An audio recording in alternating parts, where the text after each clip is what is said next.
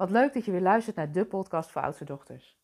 Mijn naam is Aike Borghuis en ik ben net als jij een oudste dochter. En in deze podcast wil ik het graag met je hebben over een boek wat ik onlangs las. En het gaat over het boek Onzichtbare Vrouwen, geschreven door Caroline Criado Perez. Want kijk eens naar je telefoon.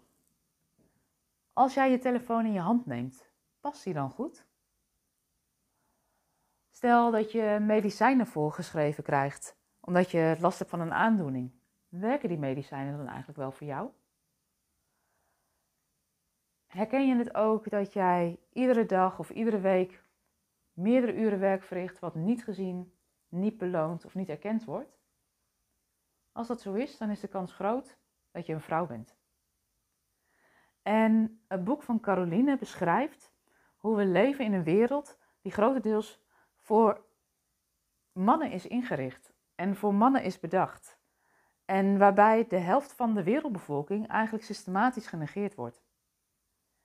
En wat belangrijk is, en dat beschrijft ze ook heel duidelijk in het boek, is dat er achter deze gender-data-kloof geen kwaadaardigheid of opzet zit. En toch is het belangrijk dat we daar aandacht voor hebben en dat dit verandert.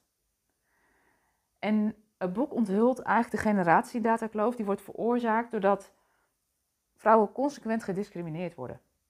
Het boek laat case studies zien op het gebied van overheidsbeleid, op het gebied van medisch onderzoek, technologie, werkplekken, stadsplanning en media.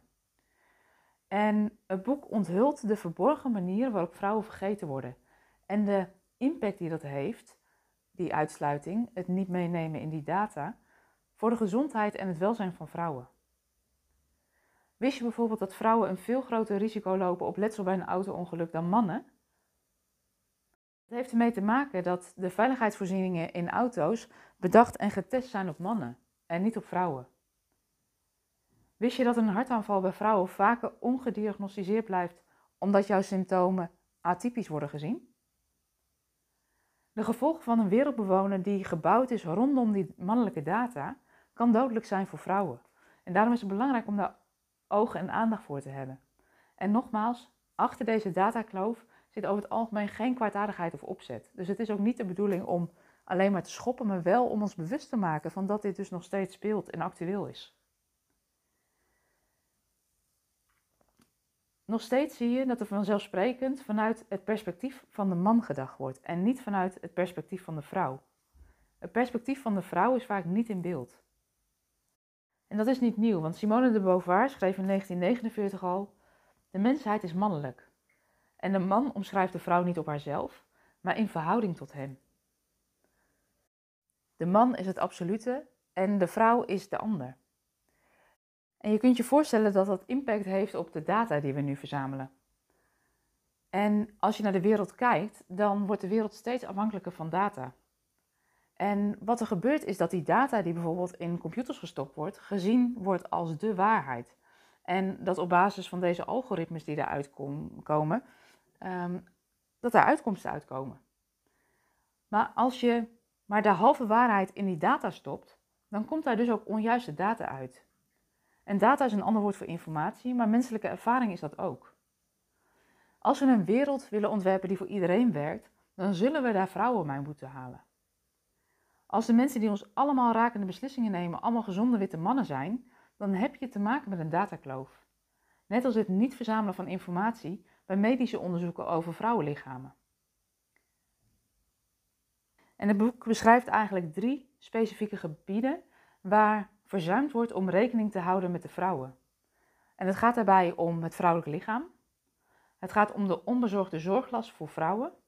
En het gaat over mannelijk geweld tegen vrouwen. En deze thema's zijn zo belangrijk omdat ze bijna alle gebieden in ons leven raken. Ze beïnvloeden onze ervaringen vanaf het openbaar vervoer tot de politiek, van je werkplek en hoe die is ingericht tot ingrepen bij de dokter. En het is niet altijd onwil dat deze gegevens niet goed meegenomen worden, maar de mannen die van oorsprong deze data verzamelen, zien veel zaken over het hoofd omdat ze gewoon geen vrouwenlichaam hebben. Veel van die mannen doen maar een fractie van het onbetaalde werk wat vrouwen doen. Mannen hebben ook te maken met lichamelijk geweld, maar de manier waarop zich dat manifesteert is anders dan de manier waarop vrouwen daarmee te maken krijgen. En als je dus de verkeerde data's verzamelt en een deel gewoon buitensluit of uit beeld laat, dan is dat een vorm van discriminatie tegen vrouwen. En wat de schrijfster in het boek blootlegt is het patroon dat deze genderdatakloof geen toeval is, maar een steeds herhalend patroon. Want wat de consequentie daarvan is, is als je de helft van de mensheid buitensluit in de kennisontwikkeling, dan zie je ideeën over het hoofd waarmee verandering kan worden bewerkstelligd. In de praktijk zie je maar al te vaak dat alleen het vrouwelijk perspectief ontbreekt. En tegelijkertijd mogen we die drie bepalende factoren in relatie tot de vrouw in de wereld niet buiten beschouwing laten. En ik neem je nog even mee langs die factoren, want de eerste factor is dat vrouwelijk lichaam. En om precies te zijn, het gegeven dat het onzichtbaar blijft. Het vrouwelijk lichaam wordt stelselmatig genegeerd wanneer iets wordt ontworpen op medisch, technisch of bouwkundig vlak. En dat heeft ertoe geleid dat de wereld voor vrouwen daarin een stuk onveiliger wordt.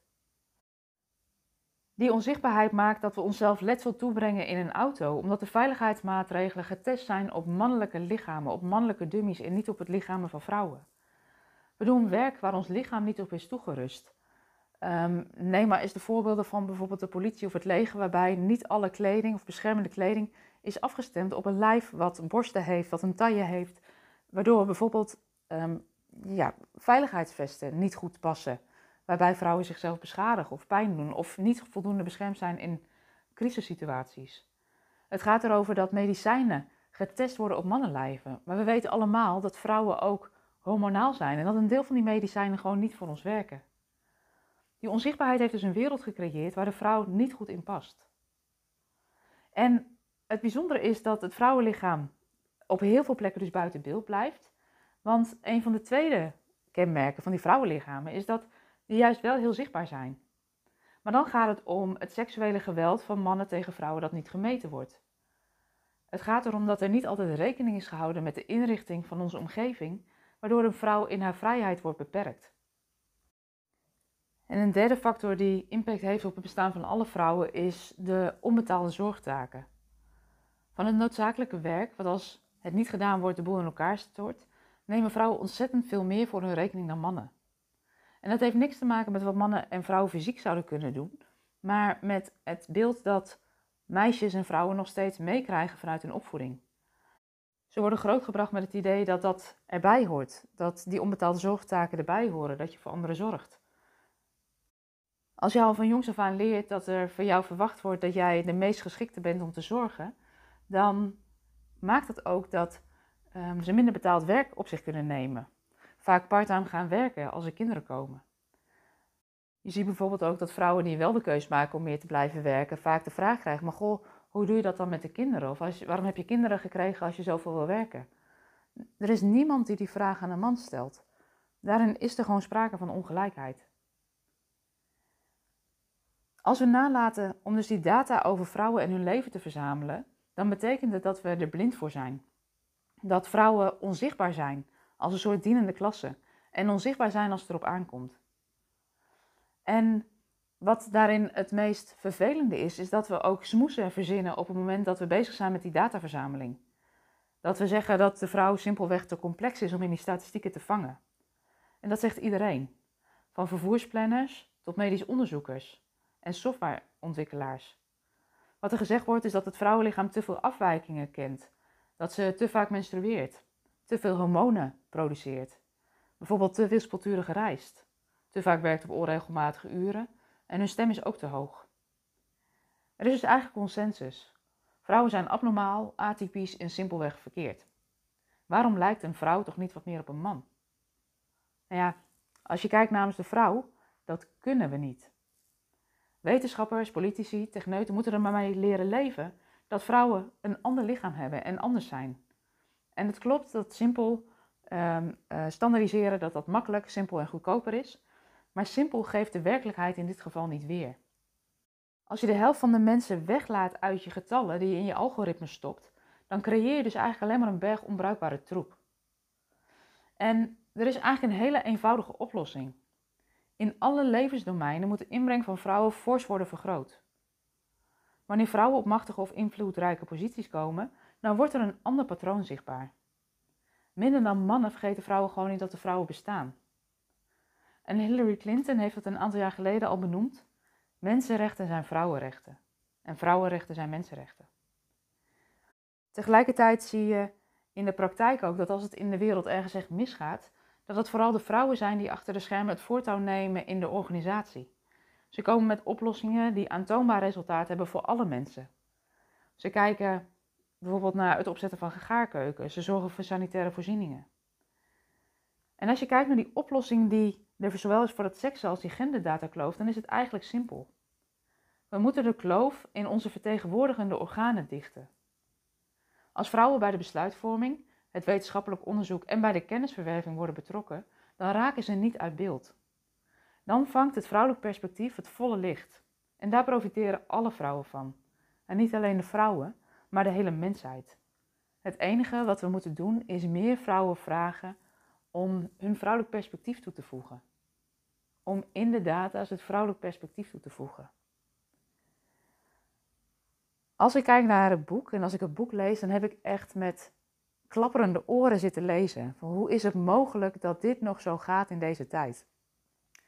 Het was geen vrolijk boek. Ik werd er ook wel een beetje verdrietig van. En ook wel uh, dat mijn vlammetje weer werd aangewakkerd. Denk ik, jongens, vrouwen, laten we opstaan met elkaar naast die mannen. Laten we zorgen dat het gelijkwaardiger wordt. Want samen kunnen we gewoon echt wat verschil maken. Mocht je het boek willen lezen, google dan op Onzichtbare Vrouwen, gelezen door Caroline Criado Perez. En um, nou, ik ben heel benieuwd wat jouw inzichten zijn als je het uh, boek leest. Um, ik word er wakker van, ik word er nog weer wat fanatieker van. En heb het gevoel, weet je, we kunnen met elkaar die wereld gewoon nog een stukje beter maken. En daar uh, ga ik me in ieder geval voor inzetten. En uh, sluit je aan, zou ik zeggen. Dankjewel voor het luisteren. Um, mocht je deze podcast nou interessant vinden, abonneer je dan. Dan krijg je een nieuw berichtje als er weer een aflevering online staat. En voor nu wens ik je een hele fijne dag.